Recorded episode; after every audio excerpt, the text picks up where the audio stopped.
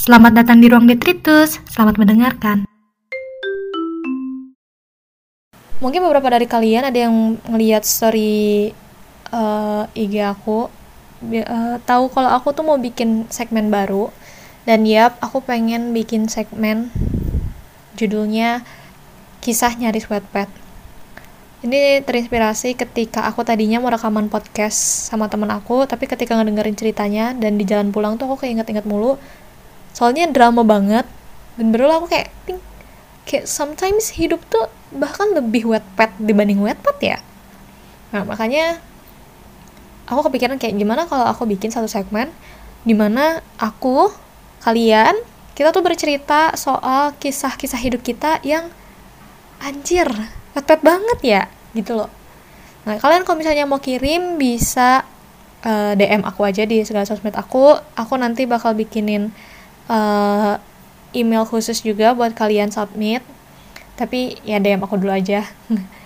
Aku akan memulai cerita ini dengan cerita horor karena kemarin aku udah sempat rekaman untuk yang cinta-cintaan tapi ternyata kualitas rekamannya agak jelek. Doain aku punya uang buat beli mic ya. By the way kalau misalnya kalian mau pesan pakai seni kalian bisa cek highlight uh, instagram aku atau cukup klik link tree yang ada di setiap sosial media aku nanti ada di paling atas PO uh, eh, apa untuk pemesanan peka seni, oke? Okay? Selain kisah nyaris wet pet tentang percintaan atau persahabatan, aku juga punya beberapa kisah yang menurut aku agak serem juga sih. Tapi ya nggak seserem itu juga. Especially sekarang aku nggak aku nggak takut sama yang kayak gitu-gituan sih. Tapi kalau dulu kalau misalnya ditanya dulu dulu tuh aku penakut banget. Penakut tapi suka cari-cari perkara. Jadi pada suatu hari kita mulai dari cerita satu ketika aku SMP dulu tuh aku nggak tahu aku nggak tahu uh, soal kalau kasur itu nggak boleh ngadep ke pintu masuk. I don't know aku baru baca itu kayak sekitar pas SMA gitu kalau nggak salah tapi ini kejadiannya SMP kelas 2 kali ya aku lupa. Pokoknya SMP aja. Jadi dulu tuh aku punya balon. Balon pink. Dapat dari hadiah dari mana lah aku lupa. Jadi balon balon tiup biasa yang dikasih itu loh tongkat gitu. Nah si balon itu sama aku digambarin pakai spidop ada mata ada bibir terus yang lidahnya eh, kayak emoticon itu loh. Nah terus aku punya apa kutek kan dulu kutek dangdut yang kerlap kerliping astaga.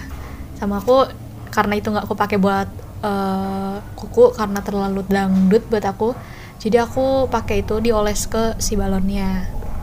Nah terus saking senengnya sama tuh balon jadi kalau misalnya kalian ada yang belum tahu ya pasti nggak tahu juga sih. Kasurku di kamarku itu sofa bed jadi dia bisa jadi sofa bisa jadi kasur gitu loh ya bisa dibayangkan betapa kerasnya. Nah kan kalau sofa bed kan ada ininya ya apa lengan sofanya. Nah jadi antara lengan sofa sama kasurnya tuh bisa disangkutin si tongkat balonnya. Jadi sebelum tidur aku sangkutin di samping terus aku toyor-toyor gitu balonnya. Pang pang pang pang. Tau lah bunyi balon ditepak gimana. Tapi itu pelan. Aku ininya pelan kayak tang tang tang. Karena lucu ngeliat kepalanya ning ning ning, ning gitu. Kayak malam-malam dan keadaan lampu gelap terus aku ngeliat si aku pakai lampu tidur ya biasanya. Si kuteknya itu kan jadi kelap kelip ya lucu banget. Nah, terus aku tidur. Uh, dulu aku masih punya TV di kamarku jadi aku biasanya set timer uh, di 120 menit. Jadi setelah 2 jam uh, TV-nya mati otomatis. Nah terus uh, jadi ya udah aku tinggal tidur. Terus tiba-tiba aku bangun ini tuh kalau kata orang tuh erup-erup atau erup-erupan atau tindihan aku nggak ngerti lah ya. Aku bangun ngadep ke kiri adep-adepan sama uh, lengan sofa kasur aku. Jadi aku nggak bisa ngelihat apa-apa cuman aku ngedenger suara TV nyetel semacam masih dunia lain atau misteri apalah gitu. Tau gak sih kalau dulu di Trans 7 tuh suka nyetel atau ada acara misteri gitu kalau malam-malam. Nah itu kan di setelnya tuh antara jam 11 sampai jam 1 malam kalau nggak salah. jadi aku tahu bahwa itu udah tengah malam itu ya dari acara itu maksudnya aku nggak tahu itu tepatnya jam berapa tapi karena acaranya itu yang jalan jadi aku asumsikan di antara jam 11 atau jam 1 malam saat itu nah tau lah erup-erup tuh kayak kamu bangun tapi kamu nggak bisa gerak gitu. Tapi kamu tuh kayak bangun super on gitu loh. Nah aku tuh kayak ngeliat tapi aku gak bisa gerak. Terus aku kayak berdoa aja kayak ya Allah ini kenapa? Tapi aku pikir kayak karena aku pernah baca juga soal ini sleep paralysis ya jadi kayak ini tuh sebenarnya cuman badannya aja yang nggak bangun. Kayak itu sangat-sangat tidak bermasalah. Jadi kayak aku pikir ya udah tinggal aku tinggal tidur lagi biar nanti bisa bangun dengan seger lagi gitu aja tapi setiap kali tapi tau lah gimana kayak setiap kali merem tuh kayak kamu lagi bangun tapi kamu merem gitu. Jadi nggak kerasa tidur dan gak ngantuk sama sekali. Nah itu yang aku bingung. Tapi aku nggak bisa gerak ke mana-mana. Yaudah deh aku diam aku berdoa uh, berdoa sebelum tidur. Siapa tahu ngantuk. Taunya aku ngedengar suara balon aku ditepak. Pang sekali. Oh tanganku bisa gerak kali ya aku mikirnya gitu kayak mungkin tanganku gerak tapi aku nggak bisa ngerasain tanganku yang bergerak. Tapi itu bunyi balonnya dari ditepak sekali tepaknya sering terus ditepaknya yang cepet banget sampai papa papa papa papa gitu. Dan itu, itu serem banget coba dan aku nggak bisa lihat apa yang nepak balon aku atau tangan aku di mana karena mata aku tuh bener-bener lurus. Aku ngadep kiri dan aku ngadep ke sofa bed aku jadi ya aku nggak bisa lihat ini kan. Maksudnya nggak bisa lihat ke mana-mana. Cuman entah kenapa tiba-tiba aku tuh kayak muter gitu. Jadi tiba-tiba badan aku masih ngadep kiri tapi aku bisa ngelihat keadaan seluruh kamar aku. Aneh aku juga nggak ngerti. Tapi pelan-pelan sih singkat aku. Jadi kayak dari ngadep kiri terus aku kayak kayak terlentang terus tiba-tiba aku ngadep kanan. Dan Tebak apa yang aku lihat di kananku? Yaps, aku ngeliat ada kepala cewek. Kepalanya aja by the way. Kepala cewek, rambutnya keriting, aku masih inget banget. Tau gak sih kayak mainan boneka anak kecil yang bisa ngomong, yang matanya kedip-kedip, something like that. Pipinya sebes apa? Pipinya bulat, tapi warnanya tuh kuning si kulitnya kuning yang menuju hijau dia merem tapi aku tahu bahwa itu cuma kepala dan emang cuma kepala doang itu serem banget sumpah tapi entah kenapa diri aku di masa lalu itu tidak merasa takut sama sekali. Maksudnya aku takut aku kaget tapi dominan rasa kasihan. I don't know why. Kayak oh my god kasihan banget kamu uh, apa terjebak di sini. Serius aku sampai kayak mau nangis gitu loh kayak karena itu masih erup-erup badan aku masih nggak bisa nggak bisa gerak. Aku tuh cuma ngeliatin terus aku masih ngerasa kasihan gitu kan tangan aku tuh berusaha aku pengen banget ngelus kepalanya cuma buat bilang kayak aku kasihan sama kamu maksudnya kayak kok aku sedih ya liat kamu? Something like that. Aku nggak tahu gimana tapi pokoknya intinya aku ngerasa sangat sangat kasihan gitu ngeliat si sosok kepala itu. And then, sebelum aku lupa apakah aku sempat ngelus kepala dia atau enggak tapi kayaknya sempet deh.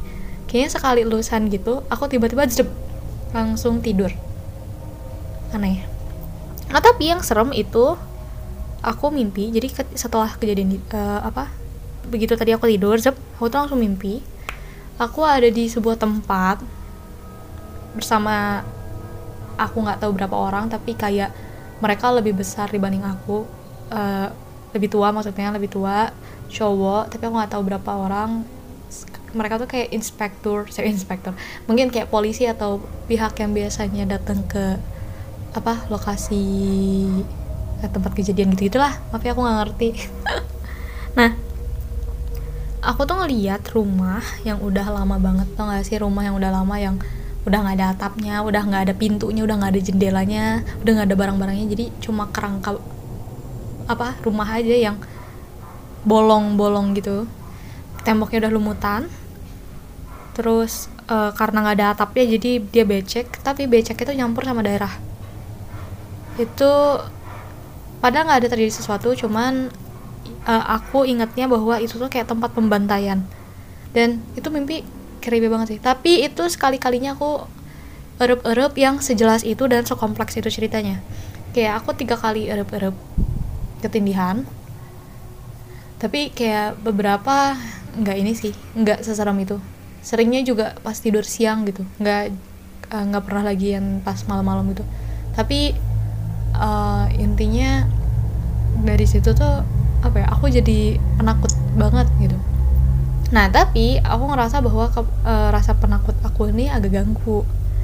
Nah makanya pas masuk SMA wah pas masuk SMA aku mulai skeptis. Jadi pas zaman SMA ya begitu aku masuk SMA uh, gedung SMA aku tuh gedung tua. Ada satu gedung sekolahku yang mau pagi siang sore malam selalu gelap. Jadi kayak nggak aneh kalau di situ ada banyak uh, sesuatu gitu. Dia bentuknya lorong jadi kiri kanan ada itunya kan apa ada kelas. Tapi itu emang gelap banget gitu. Mau jam berapapun kamu datang itu pasti gelap. Kalau nggak dikasih lampu. Ya maksudnya kayak emang bangunan yang salah gitu loh. Kayak dia nggak ada cahaya dari mana-mana. Nah makanya uh, si gedung itu tuh jadi agak creepy bukan agak creepy kayaknya creepy banget buat aku. Terus ada kamar mandi di bawah tangga. Kamar mandi nah uh, kamar mandi itu tuh kayak bebas cewek cowok gitu loh. Jadi ya kamar mandi satu aja nyenclok gitu. Dan itu agak creepy. Terakhir aku inget dia ditutup. Ada yang bilang kalau itu direnovasi tapi aku nggak tahu juga karena aku nggak lihat ada mamang-mamang kuriak lagi ngerjain sesuatu di sana. Dia SMP tuh isinya aku dan banyak ketakutanku terhadap hal-hal kayak gitu. Cuma pas SMA aku ngerasa kayak aku kalau jadi penakut kayak gini agak nyusahin. Makanya terus kayak emang bener ya ada yang kayak kayak gini? Itu janjian aku aja lagi ngehalu atau aku aja yang gak bener aja gitu mikirnya. Tapi karena keskeptisan aku itu aku tuh malah jadi sering diganggu. And anyway ini ada satu cerita yang ketinggalan. Jadi sebenarnya dari dulu dari zaman SMP atau SM, uh, SMP atau SD aku lupa tapi kemungkinan SMP awal aku punya teman hayalan namanya Karin. Dia tuh cewek cantik kulitnya eksotis rambutnya panjang hitam wah pokoknya cantik aja. Dan dia tuh teman ngobrol yang apa ya jadi kalau misalnya orang nggak tahu aku kalau misalnya sendirian itu mendiam aku tuh diem. Gitu. Meskipun emang seneng yang ngomong makanya aku bikin podcast sekarang. Tapi aku tuh aslinya nggak seribut itu gitu kalau sendirian. Nah jadi si teman hayalanku ini si Karin ini itu jadi teman yang biasanya ngomong. Dia tuh yang biasanya cerita kayak ih tau gak sih hari ini tuh lagi gini gini tau gak sih aku kemarin gini gini aku tuh kemarin ke sana gini gini gitu gitu gitu. Pokoknya dia cerita kayak gitu deh. Aku lupa detailnya apa karena itu udah lama banget terus zaman SMA uh, eh, Karin ini tiba-tiba kayak gak suka aja gitu sama teman-teman SMA aku. Kayak aku pikir lo teman hayalan gue tapi kok agak-agak ganggu ya? Gitu. Especially aku dekat sama kakak kelas. Uh, nah si kakak kelas ini juga apa si Karin ini nggak suka gitu sama kakak kelas ini cuman ya ya udah maksudku kayak dia suka nggak suka lo cuma teman hayalan gue dan lo nggak akan bisa ngapa-ngapain gitu. Aku pikir.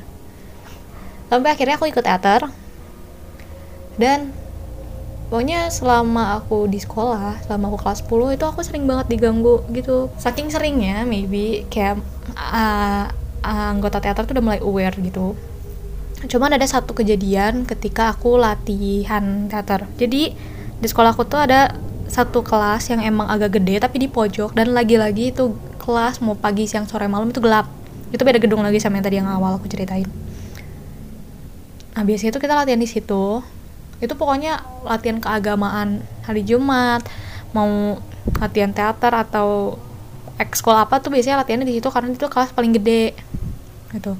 Cuman uh, kalau nggak salah tuh lagi bentrok sama apa? Atau aku emang lagi latihan buat uh, pentas karena biasanya kalau latihan pentas lebih sering kan ya. Jadi suka bentrok sama yang emang ada jadwal pastinya gitu latihannya. Kita pindah ke kelas di gedung RBK di atasnya gedung RBK aduh RBK tuh apa ya? Ya itulah punya dia yang paling ujung. Nah si kelas yang paling ujung ini ngadep langsung ke kamar mandi cewek gitu. Pokoknya panjang cerita uh, sebelum aku latihan pas di kelas itu aku ada kayak tugas prakarya atau apa aku lupa. Aku minjem gunting dari teman kelasku dari sobatku. Aku cuma di tas.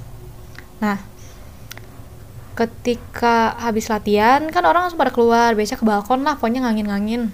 Biasa habis latihan capek. Atau beli minum atau apa aku lupa. Nah aku tuh di balkon. Dan emang kayak lagi damai-damai aja gitu. Tiba-tiba kok aku ngelihat ada cewek merah pakai baju merah panjang rambutnya panjang uh, ya rambutnya juga panjang itu berdiri di WC sekolahku WC si WC cewek. Depannya banget depan WC cewek gitu. Aku bingung ya maksudnya emang ada maksudnya dalam rangka apa seseorang pakai baju kayak gitu? Sampai tiba-tiba ketika aku ngeliatin um, si yang dari itu jaraknya jauh by the way. Dan aku di lantai dua gitu. Dari depan pintu kamar mandi dia tuh langsung nyamperin aku dan itu langsung di depan muka aku kayak kau tahu nggak sih kayak film-film hantu yang ceweknya mangapa gitu loh?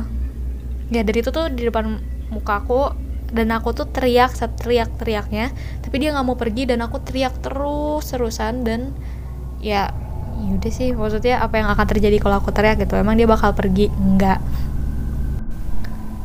Nah aku tuh ngejerit sekeras kerasnya aku berharap dia kayak pergi tapi ya ya harapan konyol. Pokoknya aku ngera itu rasanya bentar. Maksudnya nggak selama itu tapi aku ngerasa secapek itu karena aku teriaknya keras banget. Sampai tiba-tiba dak uh, semua itu kayak teng. Kayak tiba-tiba aku sadar aku udah duduk di dinding kelas di di koridor. Uh, kaki aku tuh udah lurus sepatu aku tuh udah coba uh, aku, aku biasanya kalau latihan gak pakai sepatu sih. Jadi kayak jempol kaki aku tuh udah dipencatin terus kayak uh, kakak kakak kelas tuh kayak ada nggak apa-apa nggak apa-apa Tias nggak apa-apa. Kenapa kenapa? Dan pokoknya gitu gitulah dan aku tuh kayak ya aku bingung ya mau jelasinnya gimana kayak iya. Terus tiba-tiba tuh uh, jadi kakak kelasku ini punya eh, ada kakak kelasku. Uh, sebut aja kakak kelasku ini yang cewek itu A terus ada yang cowok itu B ya. si kakak kelasku yang B ini si B ini tuh datang pakai motor uh, si teteh A. Nah terus kayak si teteh A tuh langsung ke aku. Beda teteh A ini yang emang cutting cutting kakak kelas yang dekat sama aku itu loh terus uh, si teteh A ini tuh langsung kayak eh ikut ikut ah mau ke mana? Yuk kita jajan yuk. Dan itu tuh udah jam 5 gitu. Kita latihan tuh break tuh jam 4an ah, ah asar kalau nggak salah. Aku lupa pokoknya kita sempat break. Pokoknya itu udah udah mau maghrib aja pas aku sadar tuh. Udah yuk uh, kita jajan kita beli makan. Lah beli makan mau di kantin aja ngapain naik motor udah nggak apa-apa ayo naik. Nah naiklah aku ke Timot motornya Teteh A ini. Nah jadi aku Teteh A sama si Akang B jalan aja naik motor. Itu sepanjang jalan aku bingung kayak teh ini mau dibawa ke mana? Kayak kita nggak ketinggalan latihan nih. Gini gini nggak nggak yuk kita jajan nggak apa-apa nggak apa-apa. Dan itu tuh dibawa kayak ke gang-gang gitu. Terus kita berhenti ke satu rumah. Dan pas datang ternyata tuh kayak ke rumah pak orang uh, orang pintar ya atau lah. Kayak ya itulah. Ah ya aku bingung cara jelasinnya karena aku juga nggak tahu itu siapa gitu. Pokoknya datang terus kayak si akang B ini ngejelasin aku kayak ini sering digangguin ngomong gitu. Aku sumpah tuh kayak aku tuh nggak ngerti dan aku nggak percaya hal kayak gitu ya. Hah iya hehehe. Aku tuh malah hahaha emang dasar nggak tau malu. Nah setelah itu si bapaknya ini uh, masuk terus dia keluar lagi. Uh, kami ada di ruang tamu rumah beliau by the way. Terus dia ngeluarin dua botol satu warna merah ada kainnya di dalam satu war uh, satu bening. Terus beliau bilang yang ini diminum yang ini dipakai mandi yang merah. Yang putih dipakai ada yang yang putih minum sampai habis yang merah dipakai buat mandi. Oh ya terus kayak si akang ini kayak ngasih amplop dan itu kayak sumpah itu perasaan bersalah aku kayak gara-gara aku mungkin uh, apa mereka tuh harus ngeluarin uang kas buat bayar itu loh. Itu sis itu masih nggak enak sampai sekarang. Nah setelah itu tuh uh, apa aku ini pulang terus uh, aku cobain tuh minum terus aku godok air godok. Aku rebus air buat mandi nah, aku keluarin si air yang warna merah itu. Nah kan di dalamnya ada kain tuh kayak ini nyangkut. Aku tarik lah ya. Dan ini perasaannya aneh kayak tau gak sih? Kau kayak ngelihat kasa tapi dia tebel. Aku tuh nggak tahu ini kain apa kayak kain baju. Ini panas by the way bajunya. Tapi dia berserat gitu tapi dia keras. Jadi aku bingung ini kain apa? Dan aku baru ting jangan bilang ini kain kafan kawan. So itu linu itu itu, itu linu banget. Warna merah itu warna merah ini by the way. Warna merah spidol airnya jadi bukan bukan merah yang darah yang pekat enggak. Tenang aja. Kalau itu juga gue bakal jerit jerit jeritnya karena aku uh, hematofobia aku takut darah. Nah uh, tapi mau gak mau ya udah aku mandi dan setelah itu brush kayak semuanya hilang. Kayak udah. Kayak se pokoknya sama kerasa dikit tapi nggak sejelas yang kemarin-kemarin pas aku awal-awal masuk gitu loh. Dan ya menurut aku kayak ya udah semua beres gitu. Sampai tiba-tiba ketika aku masuk kuliah um, emang sih aku masih setumpul itu cuman pas perjalanan ke Jogja I don't know why itu sepanjang jalan aku bisa ngerasain apa pun yang hadir. Aku nggak ngerti kenapa. Tapi ketika tau gak sih perjalanan ke Jogja itu kan kadang suka ngelewatin yang jalan yang agak sepi yang kanan kiri uh, hutan atau kebun atau sawah gitu kan. Terus kayak ngelewatin gapura. Nah setiap kali ngelewatin gapura tuh aku ngerasa ada sesuatu kayak first aku yang yang masih aku ingat sampai sekarang uh, pas di bis aku nggak tahu aku pas ngelewat mana tapi aku ngerasa ada sosok gede berdiri di tengah bus. Terus aku kan duduknya di pinggir jendela tuh aku ngeliat aku nggak tahu ngeliat atau aku ngerasa kali ya. Aku ngerasa ada yang nemplok di jendela bis. Kalau yang di tengah kan aku cuma ngeliat kayak bayangan hitam tapi dia gede tapi kalau yang di pinggir bis yang nemplok ke jendela pas banget depan aku itu saya samping aku itu badannya tuh kurus. Terus matanya tuh yang belok kayak apa ya bulat aja gitu. Kalau misalnya aku gambarin mungkin bisa kayak wayang. Warna kulitnya juga ya, ya warna kulit wayang. Tapi itu uh, apa ya dia cuma nemplok aja gitu kayak ngeliatin aku aja dari jendela. Terus kalau misalnya ngelewatin kayak apa kebun atau yang pohon-pohon atau yang sawah gede tuh aku ngerasa kayak lagi ngelewatin sebuah kerajaan yang penuh yang sesek gitu. Tapi aku nggak tahu ya aku nggak tahu tepat di jalan di mana cuman uh, itu aku rasain tuh cuman ketika perjalanan ke Jogja. Pas aku kuliah pas aku saditur. Itu saditur ya? Iya nggak saditur sih itu nugas gitu tugas fotografi.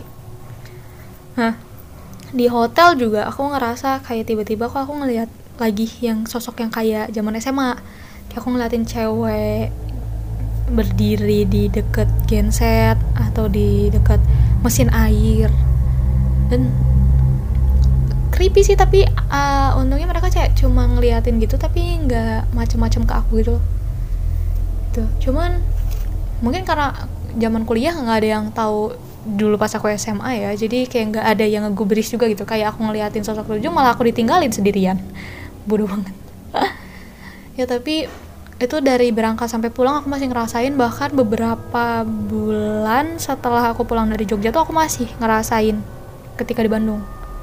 Jadi kalau misalnya ada tempat sesuatu tuh kayak kadang aku suka ngerasa penuh padahal tuh kosong kayak kanan kiri tuh uh, ini terus kayak aku ngerasa ada yang ngejar. Pokoknya jadi super parno gitulah.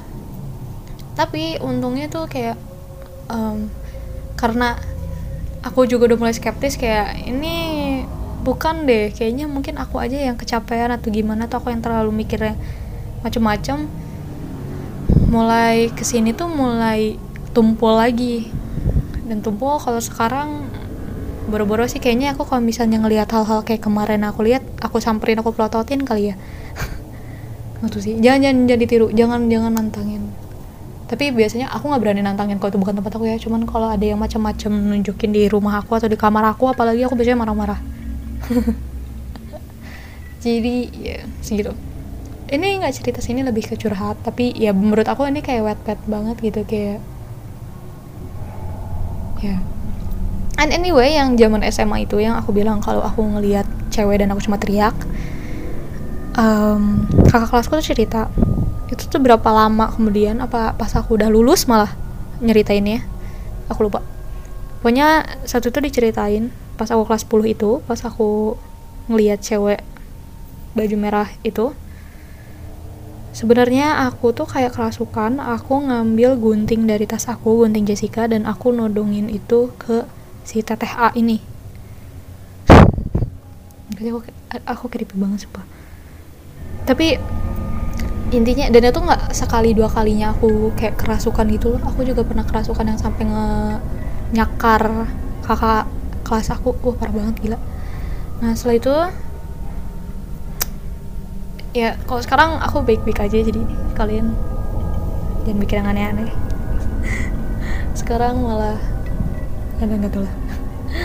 Tapi mungkin segitu aja ceri uh, kisah nyaris wet aku untuk kalian yang uh, mau ngirim ceritanya untuk aku bacain boleh nanti aku uh, boleh DM ke sosmed aku atau nanti aku bakal kasih apa email khusus buat kalian kirim via email aja. Tapi aku sangat-sangat tidak sabar untuk ngedengar atau membaca kisah-kisah kalian untuk kalian juga yang mau pesan buku Pekasni kalian bisa klik link tree di setiap sosial media aku atau bisa cek highlight di IG aku tiasapsup atau at nkota di rumah oke okay? dadah Terima kasih sudah mendengarkan Ruang Detritus. Sampai jumpa.